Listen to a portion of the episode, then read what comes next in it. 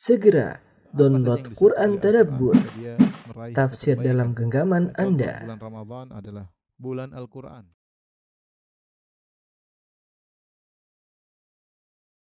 Bismillahirrahmanirrahim. Assalamualaikum warahmatullahi wabarakatuh. Alhamdulillahi ala ihsani wa syukru lahu ala taufiqihi wa amtinani wa asyhadu an la ilaha illallah.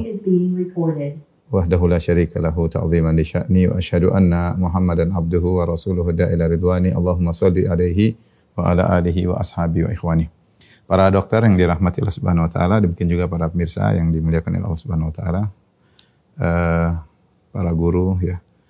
Eh, pada kesempatan kali ini kita akan bahas, melanjutkan bahasan kita tentang syarah Al-Arba'in An-Nawawiyah. Alhamdulillah kita sudah eh, melewati setengah eh, hadis ya karena jumlahnya adalah 42 hadis. Kita sekarang sudah masuk ke hadis ke-25. Dan kali ini membahas tentang eh, pengertian sedekah, bahwasanya sedekah ternyata tidak dipahami secara harta saja ya. Ternyata sedekah itu maknanya luas yang semua kebaikan adalah sedekah. Kullu ma'rufin sadaqah kata Nabi sallallahu alaihi wasallam semua kebaikan adalah sedekah. Ini perlu untuk diketahui eh, oleh semua muslim ya. Baik yang kaya terutama yang miskin ya. Karena ketika seorang menyangka sedekah hanya berupa harta, maka mungkin orang-orang miskin eh, bingung apa yang harus dia lakukan sementara dia tidak mampu untuk bersedekah dengan dengan harta. Eh, ternyata sedekah umum bukan cuma harta yang diinfakkan tapi semua kebaikan yang dilakukan oleh seorang muslim jika dia niatkan karena Allah maka itu adalah sedekah. Kita bacakan hadisnya an Abi radhiyallahu anhu aidan dari Abu Dzar juga dari Abu Dzar radhiyallahu anhu karena hadis ke-24 juga dari Abu Dzar ini juga dari Abu Dzar radhiyallahu anhu anna unasan min ashabi Rasulullah sallam qalu. Ada sekelompok orang dari sahabat Rasulullah SAW berkata lin Nabi ber- mereka berkata kepada Nabi SAW ya Rasulullah mereka berkata wahai Rasulullah dhahaba ahlu duthuri bil ujuri. Wahai Rasulullah sungguh orang-orang pemilik harta yang banyak ad-duthur maksudnya al-amwal al-katsira itu harta yang banyak. Orang-orang yang memiliki harta yang banyak telah membawa pahala yang banyak membawa pahala yang banyak Kenapa bisa demikian maka orang miskin dari kalangan muhajirin berkata, "Yusalluna kama nusalli." Mereka, kami salat, orang miskin salat. Mereka orang kaya juga salat. Ya. Kalau salat dikerjakan si miskin dan si kaya. Wa yasumuna kama nasum. Kami berpuasa, mereka juga berpuasa. Sebagaimana kami berpuasa, mereka juga berpuasa. Yang jadi masalah, wa yatasaddaquna bi fuduli amwalihim. Mereka bersedekah dengan harta mereka yang berlebihan sementara kami tidak bisa. Ya. Qala maka Rasulullah SAW ketika melihat keluhan para sahabat ini Rasulullah SAW berkata awalaysa qad ja'ala Allahu lakum ma tasaddaquna bihi bukankah Allah telah menjadikan bagi kalian apa yang kalian bisa bersedekah dengannya tidak harus dengan harta yaitu sedekah itu banyak tidak harus dengan harta inna bi kulli tasbihatin sadaqah sungguhnya setiap tasbih yaitu subhanallah adalah sedekah wa kulli takbiratin sadaqah Sungguhnya setiap takbir yang kau ucapkan Allahu Akbar sadaqah adalah sedekah. Wa kulli tahmidatin sadaqah. Setiap tahmid kau mengucapkan alhamdulillah merupakan sedekah. Wa kulli tahlilatin ucapan la ilaha illallah itu merupakan sedekah. Wa amrun bil ma'rufi dan kau menyuruh pada kebaikan adalah sedekah, sedekah. Wa nahyun an munkarin sedekah dan engkau mencegah kemungkaran kemungkaran juga merupakan sedekah. Bahkan kata Nabi sallallahu alaihi wasallam, wa fi buti ahadikum sedekah engkau menggauli istrimu yaitu pada sebagian anggota tubuhmu yaitu kau menggauli istrimu itu juga adalah sedekah ya. Berhubungan intim dengan istrimu itu juga merupakan sedekah. Maka para sahabat ketika mendengar penjelasan Nabi mereka bertanya qalu ya Rasulullah? Wahai Rasulullah ayati ahaduna syahwatahu wa yakunu lahu fiha ajrun apakah salah seorang dari kami uh, mendatangi syahwatnya menyalurkan syahwatnya kepada istrinya lantas itu adalah pahala Qala Rasulullah SAW mengatakan, "Ara'aitum la wada'aha fi haramin akana alaihi wizrun?" Bagaimana menurut kalian kalau ternyata dia menyalurkan syahwatnya tersebut pada perkara yang haram, berzina misalnya, apakah dia berdosa? Maka tentu berdosa. Maka Rasulullah SAW membuat analogi kias, "Fakadzalika idza wada'aha fil halal." Demikian juga jika dia meletakkan menyalurkan syahwatnya pada perkara yang halal, kana lahu ajrun, maka dia akan mendapatkan pahala. Hadis riwayat Muslim. Hadis ini uh, di, di, diriwayatkan dari Abu Dzar ya. Uh, tentang orang-orang miskin yang disebutkan dalam riwayat yang lain adalah al-fuqara al-muhajirin. Itu para kaum muhajirin yang fakir. Karena kita tahu kaum muhajirin mereka dahulu banyak yang kaya di Mekah. Namun ketika mereka berhijrah meninggalkan Mekah menuju Madinah, eh, banyak di antara mereka yang akhirnya tidak memiliki harta. Karena memang kondisi Mekah mereka kebanyakannya mata pencaharian adalah berdagang. Sementara Madinah mata pencahariannya adalah bercocok tanam. Sehingga sebagian sahabat ketika berpindah dari Mekah ke Madinah, mereka tidak bisa, tidak pandai bercocok tanam seperti penduduk Madinah asli. Uh, jadi banyak di antara mereka yang fakir, yang mereka yang fakir. Sehingga mereka datang bukan untuk dengki atau hasad kepada saudara-saudara mereka yang kaya, tapi mereka giptah, giptah itu cemburu, pingin bisa seperti mereka. Tanpa ada dengki, tanpa ada hasad. Kalau kalau hasad dan dengki maksudnya uh, karahiyatun nikmah alal ghair. Benci kalau orang lain dapat kenikmatan. Itu namanya hasad. Sekedar kita nggak suka ada orang pinter, nggak suka ada orang ranking satu, nggak suka ada orang uh, misalnya dokter ada ya pasiennya banyak, kita pasien sedikit, kita nggak suka pasien dia banyak. Ini namanya hasad. Itu namanya hasad. Beda dengan giptoh. Giptoh adalah kita nggak benci dia, tapi kita pingin bisa seperti dia. Dan ini di, dianjurkan dalam dalam masalah kebaikan dianjurkan. Makanya Allah Subhanahu wa taala menyuruh untuk bersaing dalam masalah kebaikan ketika Allah menyebutkan tentang nikmat-nikmat surga kata Allah wa fi dzalika falyatanafasil mutanafisun. Untuk urusan nikmat surga maka bersainglah. Allah mengatakan fastabiqul khairat berlomba dalam kebaikan wasari'u cepatlah sabiqu berlombalah. Wa fi dzalika falyatanafasil mutanafisun untuk urusan nikmat surga maka berlombalah, maka berlombalah. Uh, jadi para sahabat datang ini bukan karena hasad dan dengki tapi karena gipto pingin seperti mereka karena mereka pahalanya mereka merasa kurang dibandingkan orang-orang yang kaya. Mereka bisa bersedekah sedangkan sedangkan orang-orang eh, ini tidak bisa bersedekah. Dan ini seperti Allah sebutkan dalam Al-Qur'an dalam surat At-Taubah kata Allah Subhanahu wa taala, "Wala 'alal ladzina idza ma atauka litahmilahum Qulta la ajidu ma ahmilukum alaih tawallaw wa a'yunuhum tafidhu minad dam'i hazanan alla yajidu ma yunfiqun. Ketika disyariatkan berperang di jalan Allah ketika itu, kalau tidak salah perang Tabuk ya, maka orang-orang pada berangkat menuju peperangan, sebagian sahabat tidak bisa ikut. Kenapa? Mereka tidak punya tunggangan untuk pergi karena harus menggunakan tunggangan dari Madinah menuju Tabuk sekitar 750 kilometer.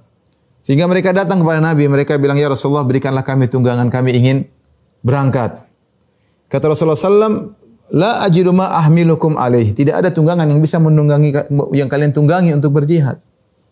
Apakah mereka senang karena tidak bisa berperang membela jalan di jalan Allah Subhanahu wa taala? Justru mereka sedih.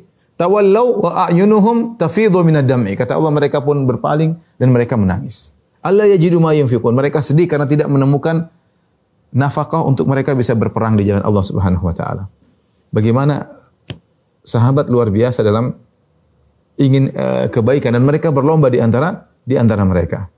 Ya, lihatlah bagaimana yang Allah Nabi kisahkan tentang atau Umar kisahkan tentang dirinya dengan dengan uh, Abu Bakar radhiyallahu anhu yang di mana Rasulullah SAW uh, pernah menyuruh mereka untuk bersedekah.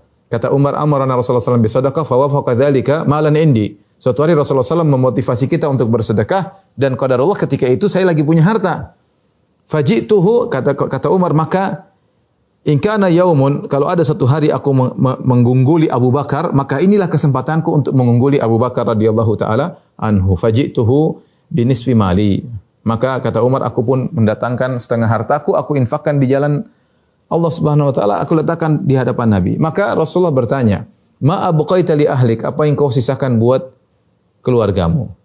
Kataku, kataku kepada Nabi SAW, seperti ini aku sisakan. Artinya aku bagi dua, setengah buat jalan Allah, setengah aku sisakan buat keluarga. Ini luar biasa, infak 50% harta. Siapa di antara kita yang pernah melakukannya? Ya, punya harta, dia bagi asetnya 50% buat infak, 50% buat keluarga. Uh, Umar merasa sudah saatnya dia menang kali ini. Ya, Abu Bakar selalu menang, kali ini kalah ya. Ternyata tidak. Fajah Abu Bakar radhiyallahu taala anhu bi malihi kulli. Maka Abu Bakar membawa seluruh hartanya, 100% dia infakkan di jalan Allah. Seluruh asetnya dia infakkan di jalan Allah. Maka Rasulullah berkata kepada Abu Bakar sallallahu alaihi wasallam kepada Abu Bakar radhiyallahu anhu, "Ma abuik ma abqaita li ahlik?" Apa yang kau sisakan untuk keluargamu, tinggalkan buat keluargamu. Kata Abu Bakar, "Abqaitu lahumullah wa rasulah." Aku tinggalkan bagi mereka Allah dan Rasulnya. Subhanallah, iman yang luar biasa. Ya, maka Umar berkata, saya tidak mungkin bisa mengungguli Abu Bakar. Tapi maksud saya, para sahabat mereka eh, bersaing dan Rasulullah SAW motivasi. Seperti kata Nabi SAW, la hasada ila fitnatain. Tidak ada dengki, eh, tidak ada, maksudnya bukan dengki, cemburu, hasad, kecuali pada dua perkara. Bukan bukan hasad berarti dengki, tapi cemburulah kalian agar kalian bisa seperti mereka. Ada dua orang yang pantas untuk kalian cemburui, yaitu ghibtah. Yang pertama, rajulun atahu Allahul hikmah wa huwa yaqdi biha wa yu'allimuha. Yang pertama Allah berikan kepada dia hikmah, Allah berikan dia ilmu. Kemudian dia mengajarkan ilmu tersebut, berhukum dengan ilmu tersebut, berbicara dengan ilmu tersebut, cemburuilah orang seperti ini. Ya. Karena orang diberi ilmu adalah karunia yang besar. Yang kedua, rajulun atahu Allahul mal wa huwa yusallituhu ala halakati fil haq. Yang kedua, cemburuilah orang dikasih harta, ternyata dia menggunakan harta tersebut di jalan Allah Subhanahu wa taala. Cemburuilah orang seperti ini. Yusallituhu yaitu dia maksakan dirinya karena kalau bahasa Arab yusallit artinya mengu, dia menguasai hartanya, menunjukkan dia ada perjuangan. Karena namanya orang cinta dengan harta, mengeluarkan harta sulit ya. Semua manusia seperti itu. Wa tuhibbunal mala hubban jamma, kalian cinta harta dengan cinta yang besar. Wa innahu li hubbil khairi lasyadid, sungguhnya kalian cinta sungguhnya manusia cinta kepada harta dengan cinta yang besar. Makanya Nabi mengatakan wa wa huwa yusallituhu, dia kerahkan usahanya untuk menguasai harta tersebut fil haq di jalan Allah Subhanahu wa taala. Dua orang ini patut untuk kalian cemburui. Jadi Rasulullah sendiri mengajarkan untuk saling cemburu, Allah sendiri mengajarkan untuk bersaing. Wa fi dzalika falyatanafisul mutanafisun, bersainglah. Kita ini hidup dunia bersaing. Bersaing dalam kebaikan. Umur kita terbatas, kemampuan kita terbatas, umur kita terbatas, kesehatan kita terbatas. Kita tidak tahu kapan sehat terus, waktu luang kita terbatas. Duit kita terbatas, ATM kita terbatas. Makanya kalau ada kesempatan bisa bersaing, bersaing. Bersaing. Yang suruh Allah Subhanahu wa taala. Nah, nah, persaingan itu ada di antara mereka. Ketika orang-orang miskin dari fuqara muhajirin lihat orang kaya mereka bersedekah sementara mereka tidak bisa, ya mereka mengadu kepada Nabi. Mengadu bukan jengkel sama orang kaya, enggak, tapi apa solusi ya Rasulullah untuk bisa menyaingi mereka? Maksudnya demikian. Makanya mereka mengatakan "Ya Rasulullah, "Dhahaba ahlud dusuri bil ujur." Ya Rasulullah, mereka orang kaya bawa pahala besar. Kami salat yusallun kama nusalli. Mereka salat, kami salat, mereka juga salat. Repot. Gimana mau nyanyi gimana? Ya, kalau masalah salat sama-sama saingan. Yang kaya bukan kaya duduk duduk nongkrong di rumah, kemudian cuma minum teh. Enggak, mereka juga salat. Orang-orang kayanya para sahabat juga mereka rajin salat. Ya, wa yasumun kama nasum. Mereka kami puasa, mereka juga puasa. Bahkan puasa Senin Kamis juga mereka puasa ya. Sebagian teman-teman Masya Allah udah punya duit banyak rajin puasa Senin Kamis ya. Kadang-kadang kita yang ustadz saja datang ke sana, kita nggak puasa, dia puasa, masya Allah. Sudah kaya puasa lagi. Jadi ada orang seperti itu, masya Allah, duit banyak, rajin puasa ya. Yang miskin susah puasa, kadang-kadang harus kerja keras ya. Jadi susah puasa. Jadi ya sumuna kama nasu, mereka puasa bagaimana puasa. Yang jadi masalah wa yatasaddaquna bifuduli amwalihim wala natasaddaq. Mereka bersedekah, kami tidak bisa bersedekah. Inilah sebab kenapa mereka bertanya dua sebab. Mereka bertanya kepada Nabi pertama karena mereka cemburu, ingin bersaing dalam kebaikan dan mereka sulit bisa menyaingi orang-orang kaya. Yang kedua karena mereka menyangka namanya sedekah itu hanya terbatas pada harta. Ini persangkaan para sahabat. Mereka menyangka sedekah itu hanya terbatas pada harta saja. Maka Rasulullah SAW menjelaskan, ya, Awalaysa qad ja'ala Allahu lakum ma tatasaddaquna bih? Bukankah Allah telah menjadikan bagi kalian perkara-perkara yang kalian bisa bersedekah dengannya? Perkara-perkara apa? Harta enggak punya mau sedekah bagaimana? Maka Rasulullah luaskan cakrawala berfikir mereka bahwasanya sedekah itu bukan cuma harta. Rasulullah SAW berkata, "Inna bi kulli tasbihatin sadaqah." Bertasbih subhanallah, subhanallah, subhanallah sedekah. Wa kulli takbiratin sadaqah. Bertakbir Allahu akbar, Allahu akbar, Allahu akbar. Eh, Rasulullah kasih sedekah yang paling mudah, pahalanya banyak, zikir paling mudah deh. Ibadah yang mudah, pahalanya banyak tapi orang malas melakukan. Habis waktu buat medsos, habis waktu buat internet, habis waktu untuk melihat berita, dengar ini, komentar, me- me- menganalisa yang tidak-tidak, meng- mengomentari analisa orang ini zaman sekarang seperti itu. Satu jam, dua jam lihat nggak ada nggak ada tasbih, nggak ada takbir, nggak ada zikir, nggak ada. Mudah. Kan ya, subhanallah, subhanallah, subhanallah. Bisa 5 menit bisa mungkin 100 kali. La la ilaha illallah, Allahu akbar, subhanallah, walhamdulillah, wa la ilaha illallah, Allahu akbar, wa la haula wa quwata illa billah. Enggak usah kita mau zikir itu tunggu nyanyi-nyanyi paduan suara, enggak perlu, ya. Kapan saja kita sedikit bisa, sendiri bisa berzikir. Enggak perlu nunggu orang bikin paduan suara. Subhanallah walham. Enggak, enggak perlu begitu. Kapan saja kita bisa bersedekah. Karena sebagian orang mereka berzikir kalau ada rame-rame baru berzikir. Kalau enggak, enggak. Kita berzikir di mana saja. Wa kullu tahmidatin sadaqah. alhamdulillah setiap alhamdulillah sedekah. Wa kullu tahlilatin sedekah. Setiap tahlil la ilaha illallah sedekah. Ini zikir. Kemudian ada lagi yang lain, jenis yang lain. Wa amrun bil ma'ruf sedekah. Nyuruh orang untuk berbuat baik adalah sedekah. Kebaikan apa saja? Ngajak sholat, ngajak sedekah, ngajak berbuat baik kepada keluarga. Wa nahyun an munkarin sedekah. Mencegah orang dari kemungkaran, negur orang dengan cara yang baik dari kemungkaran yang dia lakukan, memperingatkan orang dari kemungkaran yang dia yang yang tersebar, mengingatkan orang dari pemikiran yang berbahaya, mengingatkan orang dari kesalahan dalam praktek ibadah. Ini semua nahyun an munkar. Ini juga sedekah. Bahkan yang lebih menakjubkan kata Rasulullah SAW, wa but'i ahadikum sadaqah. Engkau menggauli istrimu sedekah. Ini jadi ternyata Rasulullah SAW menjelaskan makna sedekah dengan seluas-luasnya. Mungkin kalau tasbih sedekah oke okay lah, logis. Takbir sedekah oke okay, logis. Mengajak orang kebaikan sedekah logis masuk akal. Mencegah orang dari kemungkaran sedekah. Tapi hubu, bergaul dengan istri, berhubungan intim dengan istri sedekah gimana ini? Akhirnya mereka bertanya. Ini aneh pertanyaan berikutnya karena Rasulullah jelaskan ternyata menggauli istri juga bersedekah. Kata kata para sahabat, "Qalu ya Rasulullah, ayati ahaduna syahwatahu wa yakunu lahu fiha ajrun?" Ya Rasulullah, salah seorang dari kami mendatangi istrinya, dapat pahala ya Rasulullah. Kok bisa dapat pahala ya Rasulullah? Ini kan lagi bersenang-senang nikmat, kok dapat pahala? Kata Rasulullah sallam, "Ara'aitum law wada'aha fi haramin, akana alaihi wizrun?" Bagaimana menurut kalian kalau dia menyalurkan syahwatnya pada perkara yang haram, dia zina dan yang lainnya ya. Atau dia apa namanya? onani, istimna ya, pada hari yang tidak tidak dibenarkan menyalurkan syahwatnya pada cara yang keliru. Apakah dosa? Fakadzalika, bukankah itu berdosa? Fakadzalika idza wada'a fil halal. Kalau begitu jika dia meletakkan menyalurkan syahwatnya pada perkara yang halal, kana lahu ajrun, maka dia tentu mendapatkan pahala hadis riwayat uh, Muslim. Taib uh, para dokter rahmatillah subhanahu wa taala inilah sedekah-sedekah selain dari harta. Jadi sedekah kalau kita mau bagi ya ya macam-macam sedekah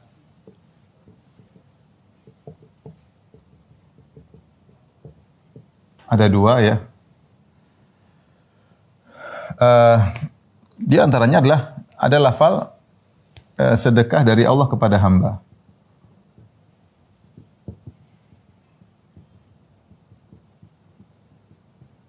Kalau ini sedekah hamba. Sedekah hamba.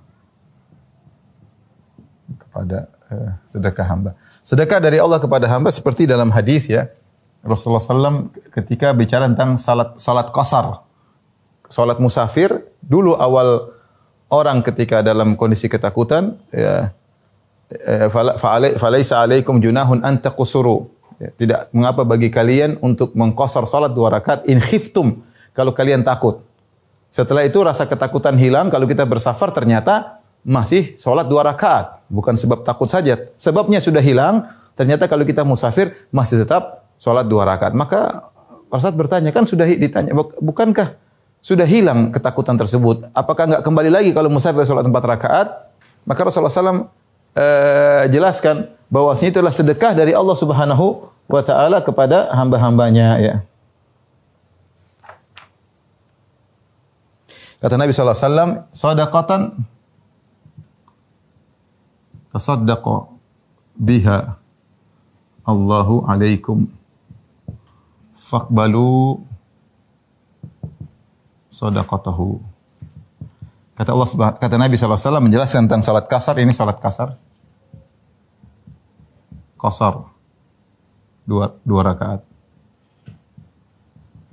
Kata Nabi SAW, itu adalah sedekah yang Allah sedekahkan untuk kalian. Itu adalah sedekah dari Allah untuk kalian. Terimalah. Terimalah.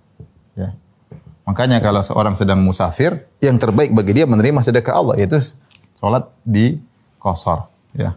Ini contoh pertama. Contoh kedua, orang yang tidur, ya, Orang yang tidur, orang yang ketiduran dari sholat malam. Orang yang tidur ketiduran. Uh, sehingga ketiduran dari sholat malam. Jadi Rasulullah SAW menjelaskan, jika seorang sudah berniat sholat malam, itu kebiasaan dia, faghala bahu an-naum, maka kemudian dia ketiduran, ya, maka tidur tersebutlah sedekah dari Allah Subhanahu Wa Taala, ya. eh, maka Rasulullah SAW mengatakan kana naumuhu ya. Sadaqatan tasaddaqa biha biha Allah. Eh, tasad alaihi jadi dia tetap dapat pahala dan tidurnya dia adalah sedekah adalah sedekah dari Allah. Seperti kalau kita uh, bahasa kita bonus lah ya untuknya. Jadi dari Allah ini kepada hamba mungkin bahasa kita bonus ya. Taib. Yang kita bicarakan bukan yang ini, ini yang kita bicarakan jadi bahasan kita sedekah hamba ya. Sedekah hamba ini ada dua model ya namanya sedekah harta. Yang kedua sedekah non harta.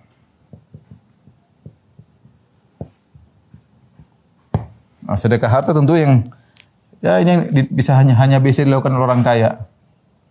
Hanya bisa dilakukan oleh orang kaya. Oleh orang-orang kaya.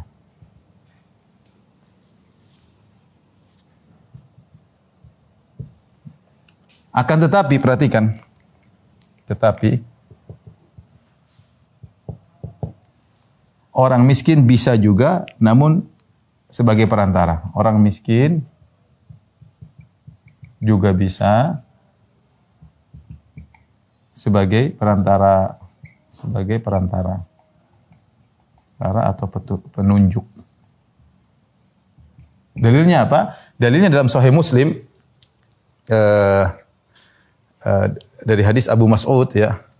Uh, Rasulullah SAW bersabda, uh, man dalla ala khairin falahu mithlu ajri fa'ilihi. Kata Rasulullah sallam, man dalla ala khairin falahu mithlu ajri fa'ilihi.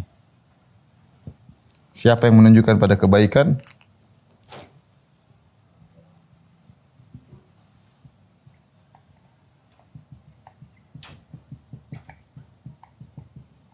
Ya bagi dia pahala orang yang melakukan yang melakukan kebaikan.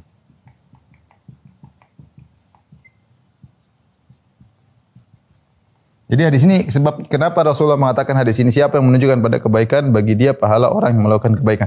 Hadis ini ceritanya ada seorang datang kepada Nabi SAW minta tunggangan untuk untuk berperang atau berjihad dan Allah untuk untuk kebaikan dia minta tunggangan karena tunggangan dia lagi nggak bisa lagi sakit atau nggak bisa dia gunakan. Maka dia bilang ya Rasulullah adakah tunggangan untuk saya naiki? Saya ingin bersama engkau ya Rasulullah. Kata Rasulullah SAW nggak ada. Ma indi saya tidak punya. Ada seorang laki berkata saya tahu anak adulu saya tunjukkan kepada engkau orang yang punya tunggangan bisa kau pakai. Maka dia tunjukkan kepada si fulan. Ya dia bilang itu si fulan, kau minta tunggangan sama dia ya. Pergilah orang ini ke donatur ya, yang memberikan dia bantuan tunggangan. Apa kata Nabi sallallahu alaihi wasallam mengomentari kisah ini, mandala ala khairin falahu mithlu ajri fa'ili. Barang siapa yang menunjukkan pada kebaikan seperti orang yang pahala orang yang mengamalkannya. Lihat, dia tidak punya tunggangan, tetapi dia menunjukkan kepada orang kaya yang orang kaya tersebut akhirnya memberi bantuan kepada orang miskin tadi. Dia juga dapat pahala sedekah orang kaya tersebut. Nah ini biasanya uh, ustadz-ustadz jago ini biasanya nih dapat pahala dari si ini. Mungkin duitnya nggak ada, tapi dia pandai hubungi para donatur sehingga para donatur akhirnya mengeluarkan uang uh, untuk membantu sehingga donatur tersebut dapat pahala, ustadz juga dapat pahala. Ya, maka orang kalau nggak punya uang ya bisa mendapat pahala dengan dompleng kepada orang kaya. Caranya gimana? Dengan menunjukkan orang kaya tersebut pada kebaikan. Ya, meskipun dia tidak secara langsung, tapi secara perantara dia juga dapat pahala sebagaimana orang yang langsung. Ya Ustaz kok bisa sampai ya pahala luas kok tidak dirugikan yang lurin duit nggak merugikan tidak dirugikan oleh yang tidak mengeluarkan duit. Allah kasih pahala ini, Allah kasih pahala ini. Terserah Allah, mudah bagi Allah Subhanahu wa taala. Ya, fadlullahi wasi' karunia Allah luas. Taib. Ini sedekah harta, sekarang sedekah non harta yang Rasulullah SAW sebutkan dalam hadis ini uh, ada dua model yang Rasulullah SAW sebutkan. Ya. Uh, sedekah non harta ini bisa kita klasifikasikan dua. Al-ihsan ilal ghair berbuat baik kepada orang lain.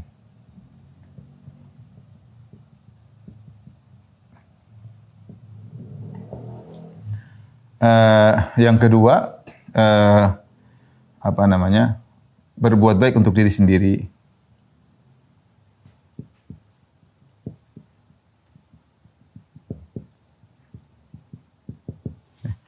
Berbuat untuk diri sendiri misalnya apa tadi? Bertasbih, misalnya zikir. Ya. Misalnya berzikir. Berzikir tadi ada banyak, ada tasbih, ada takbir, ada tahlil, ada tahmid. Ya. Berbuat baik kepada orang lain bisa dengan uh, banyak hal ya, banyak hal tapi yang disebut dalam hadis tadi uh, misalnya adalah amar ma'ruf nahi mungkar. Amar ma'ruf dan nahi mungkar. Kemudian di antaranya menggauli istri. Menggauli uh, menggauli istri. Ini di antara uh, sedekah non harta ya bisa berbuat baik kepada diri diri sendiri ya. Di antaranya uh, uh, berzikir ya. Ada tambahan ya selain ini ada juga dalam hadis disebutkan adalah uh, tidak mengganggu orang lain. Ini juga sedekah.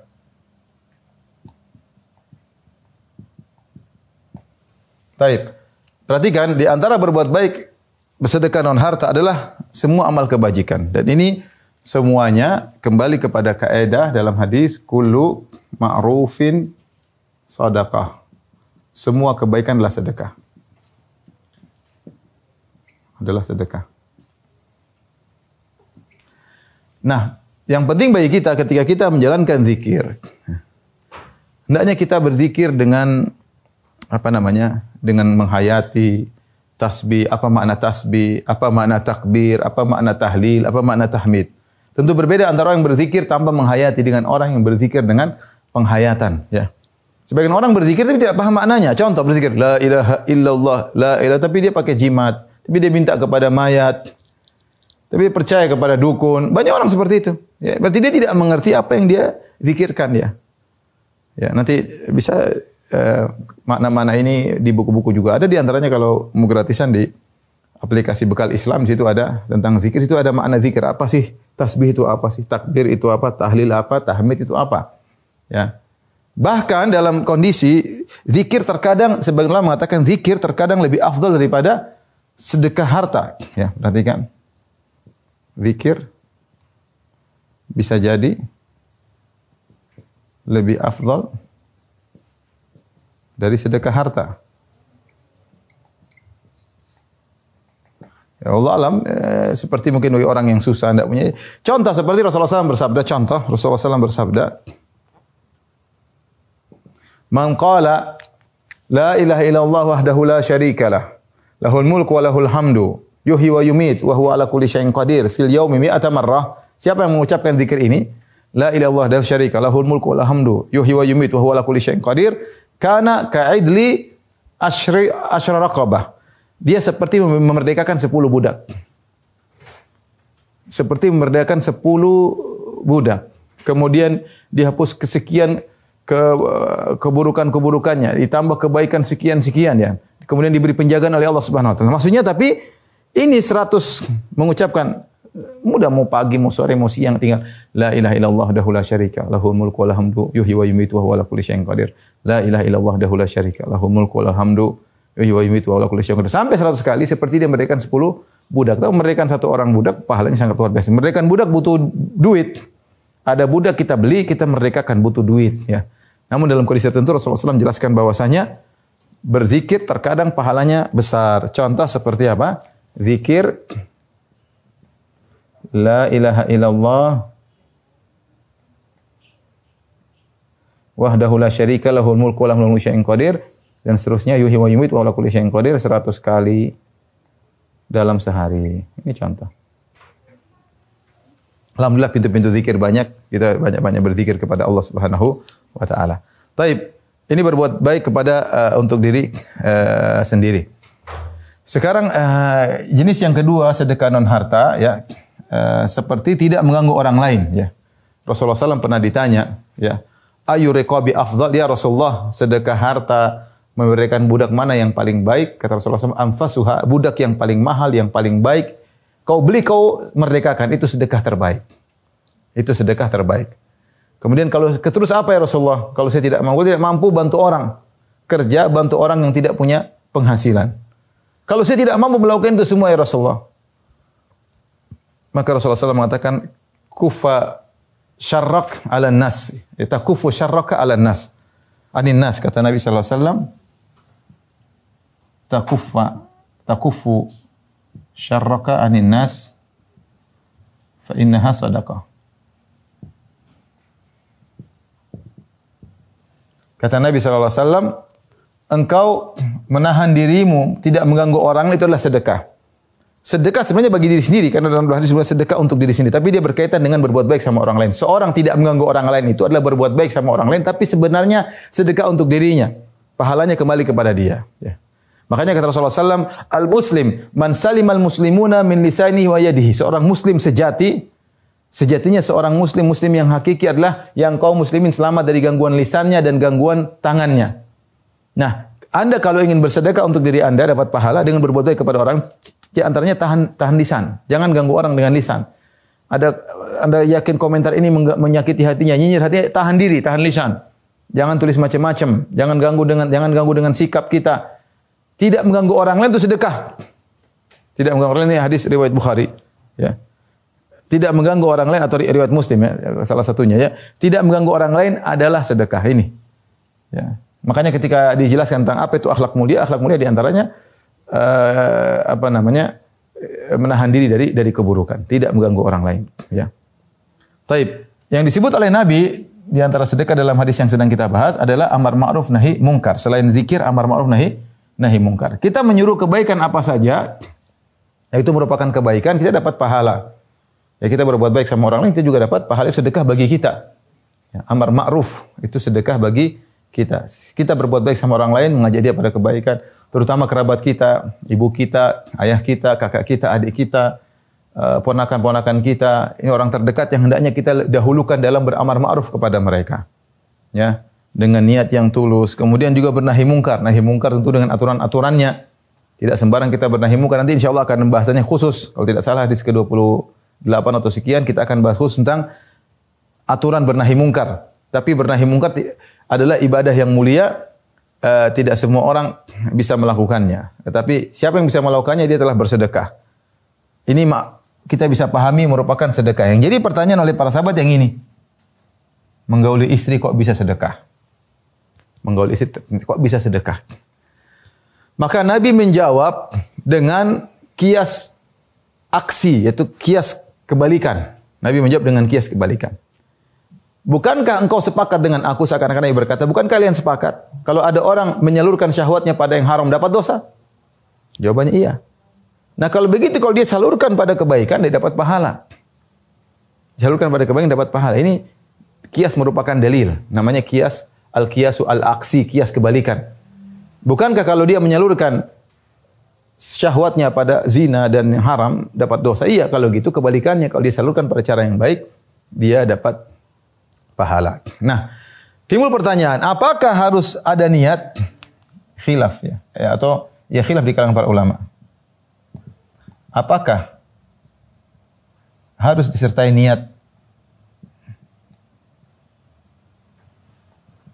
niat karena Allah Ada dua pendapat. Pendapat pertama mengatakan seperti ini tidak perlu niat. Karena apalagi Rasulullah SAW berdalil dengan kias orang sudah yang penting melakukan kebaikan dapat pahala. Apalagi dalam hadis Rasulullah SAW pernah uh, bersabda ya.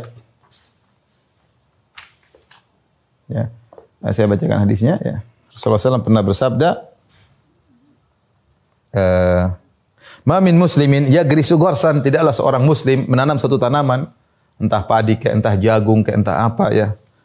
Illa kana ma ukila minhu sadaqah. Semua yang dimakan dari tanamannya adalah sedekah. Wa ma suriqa minhu lahu sadaqah. Semua yang dicuri darinya adalah juga sedekah baginya. Yang dimakan darinya sedekah, yang dicuri darinya sedekah. Wa ma akala sab'u minhu ada binatang buas makan jadi sedekah. Tanpa dia izinkan datang makan, makan dari apa namanya? eh masak apa tanaman yang dia tanam sedekah. Hmm. Ya.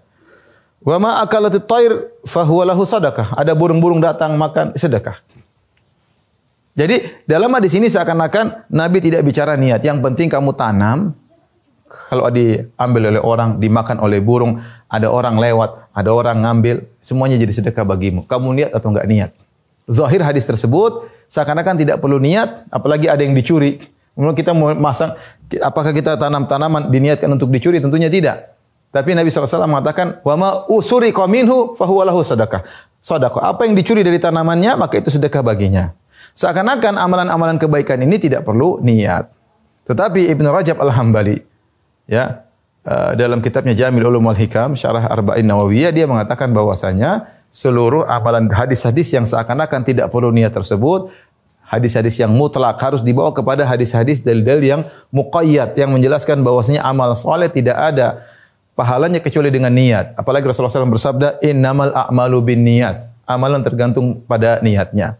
Jadi untuk hadis ini misalnya seorang kalau tanam tanaman dia sudah niatkan seandainya ada yang ambil, seandainya ada makan tumbuhan, dia niatkan sebagai sedekah karena Allah maka dia dapat pahala. Meskipun dia tidak tahu ada berapa yang ngambil, berapa yang ini, dia dapat pahala. Di antaranya ketika seorang menggauli istrinya dia harus pasang niat bahwasanya dia berniat baik. Di antaranya misalnya, misalnya Ibnu Daqiqil menyebutkan apa sih niat yang bisa kita lakukan agar kita dapat pahala ketika menggauli istri banyak yang bisa kita niatkan.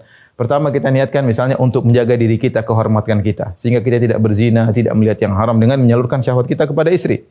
Yang kedua kita berniat untuk menyenangkan istri. Istri juga butuh penyaluran, maka kita uh, menggaulinya agar dia juga bisa menjaga dirinya sebagaimana dia butuh. Kita butuh untuk menjaga diri, dia juga butuh untuk menjaga diri. Kita butuh penyaluran juga butuh penyaluran, ya. Ini contoh ya, bahwasanya uh, kita dapat pahala dengan niat. Seperti yang ketiga, misalnya disebutkan oleh Syekh Utsaimin, kita berniat bahwasanya uh, untuk menunaikan hak tubuh.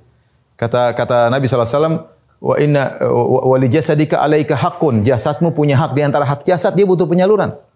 Oh, kita menjalankan perintah Nabi, kita menyalurkan syahwat kita karena hak kita jasad kita punya hak ya. Ini contoh ya. Contoh bahwasanya kita niatkan karena Allah Subhanahu wa taala. Sehingga dengan salah satu dari niat-niat tersebut kita sudah dapat pahala. Jadi tapi harus ada pasang niat. Apa sih dalil-dalil yang menunjukkan bahwasanya semua amalan yang kelihatannya adalah perbuatan-perbuatan duniawi harus diniatkan supaya dapat pahala. Jadi saya ulangi perbuatan-perbuatan duniawi kalau kita niatkan karena Allah dapat pahala, dalilnya banyak. Di antaranya perkataan Nabi kepada Sa'ad bin Abi Waqqas radhiyallahu taala anhu. Kata Rasulullah sallallahu alaihi wasallam, "Lasta tunfiqu nafaqatan tabtaghi bi wajhallah illa ujirta 'alaiha hatta lukmata tarfa'uha fi fimra'atik ila fimra'atik." Tidaklah kau menginfakkan apa pun kau mencari wajah Allah dengan syarat tabtaghi bi wajhallah. Itu kau ikhlas kecuali kau dapat pahala. Sampai suapan yang kau suapkan ke mulut istrimu. Ini sering saya sampaikan. Seorang laki ketika menyuapkan makanan kepada istrinya, dia dalam kondisi lagi senang-senang, lagi mesra. Karena nggak mungkin ada seorang suami kemudian menyiapkan makanan kepada mulut istrinya kecuali mereka saling sayang, saling mencintai, uh, lagi mesra-mesranya ya. Dan biasanya itu terjadi ketika di awal-awal pernikahan. Kalau sudah lima tahun, enam tahun kayaknya sudah nggak terulang lagi ya. Tapi kalau di awal pernikahan biasa saling saling apa menyuapi. Berarti benar-benar lagi duniawi, lagi mesra-mesranya, lagi sayang. Tapi dia pasang niat saja. Karena Allah dapat pahala. Syaratnya ada. Tabtagi biwajah Dia harus berniat karena Allah Subhanahu wa taala. Demikian dalam Sahih Bukhari, Rasulullah SAW bersabda, "Idza anfaqa rajulu ala ahlihi wa huwa yahtasibuha, ya uh, fahuwa lahu sadaqah." Jika seorang berinfak untuk istrinya, dia belikan baju untuk anaknya, dia biarkan sekolah, uh, dia keluarin duit nih, keluarin duit buat anaknya, buat istrinya. Wa huwa yahtasibuha dan dia niatkan karena Allah, harus ada syaratnya. Dia niatkan karena Allah. Maka bagi dia sedekah. Itu sedekah. Sedekah. Jadi harus ada niat. Kalau nggak ada niat, tidak dapat pahala. La khaira fi katsirin min najwahum illa man amara bi sadaqatin aw ma'rufin aw islahin bainan nas wa man yaf'al dzalika ibtigha'a mardati mardatillahi fasawfa nu'tihi ajran 'azima. Kata Allah dalam surat An-Nisa tidak ada kebaikan dalam banyak bisik-bisik yang mereka lakukan kecuali orang ilaman amara bi sedekah kecuali orang menyuruh kepada sedekah atau ma'rufin atau menyuruh kepada kebaikan atau islahim bainan nas atau mendamaikan di antara manusia Wa may yaf'al dzalika ibtigha'a mardhatillah. Siapa yang melakukannya karena menghadap wajah Allah, fa sawfa nu'ti ajran 'azima. Kami akan berikan dia pahala yang besar. Jadi yang perkara yang berikutnya ini di antara sedekah adalah berbuat baik kepada orang lain sampai perkara-perkara duniawi sampai menggauli istri itu juga sedekah. Tapi harus pasang niat, saya berniat karena Allah Subhanahu wa taala. Kalau tidak pasang niat, pahalanya kita uh, ragukan ya. Ini kira-kira macam-macam sedekah. Tentu segala kebaikan adalah sedekah. Tapi ini yang disebutkan dalam hadis ya berzikir, amar ma'ruf nahi munkar, uh, menggauli istri. Taib uh, uh, para dokter yang dirahmati Allah Subhanahu wa taala. Apa yang terjadi setelah Nabi kabarkan kepada orang miskin ini bahwasanya kalau kalian uh, bertasbih, bertakbir, dapat pahala, sedekah, tidak perlu dengan duit. Maka mereka semangat, maka mereka ber, bertasbih, bertakbir untuk menyanyi orang kaya. Tapi apa yang terjadi? Ternyata orang kaya dengar hadis Nabi ini. Apa kata Abu Saleh? Faraja al fuqara'ul muhajirun ila Rasulullah sallallahu alaihi wasallam. Ternyata orang-orang kaya juga mereka bertasbih juga, mereka bertakbir juga, mereka bertak, mereka juga berzikir. Maka akhirnya orang-orang miskin datang lagi kepada Nabi. Faqalu mereka berkata ya Rasulullah sami'a ikhwanuna ahlul amwali bima fa'alna. Sungguhnya saudara-saudara kami bayangkan mengungkapkan dengan kata-kata indah saudara-saudara kami yang kaya-kaya tersebut ya. Tidak ada kata-kata nyinyir sama sekali enggak ada. Saudara-saudara kami ikhwanuna ahlul amwal yang punya harta banyak itu dengar tentang apa yang kami lakukan. Kami semangat zikir, mereka juga ternyata mereka juga melakukan seperti yang kami lakukan. Ya. Fafa'alu mislahu, mereka lakukan seperti apa yang kami lakukan. Terus bagaimana Rasulullah? Tetap saja kami sholat, mereka sholat. Kami puasa, mereka puasa. Kami zikir, mereka juga zikir. Tetap saja mereka sedekah, kami enggak bisa bersedekah. Apa kata Nabi SAW?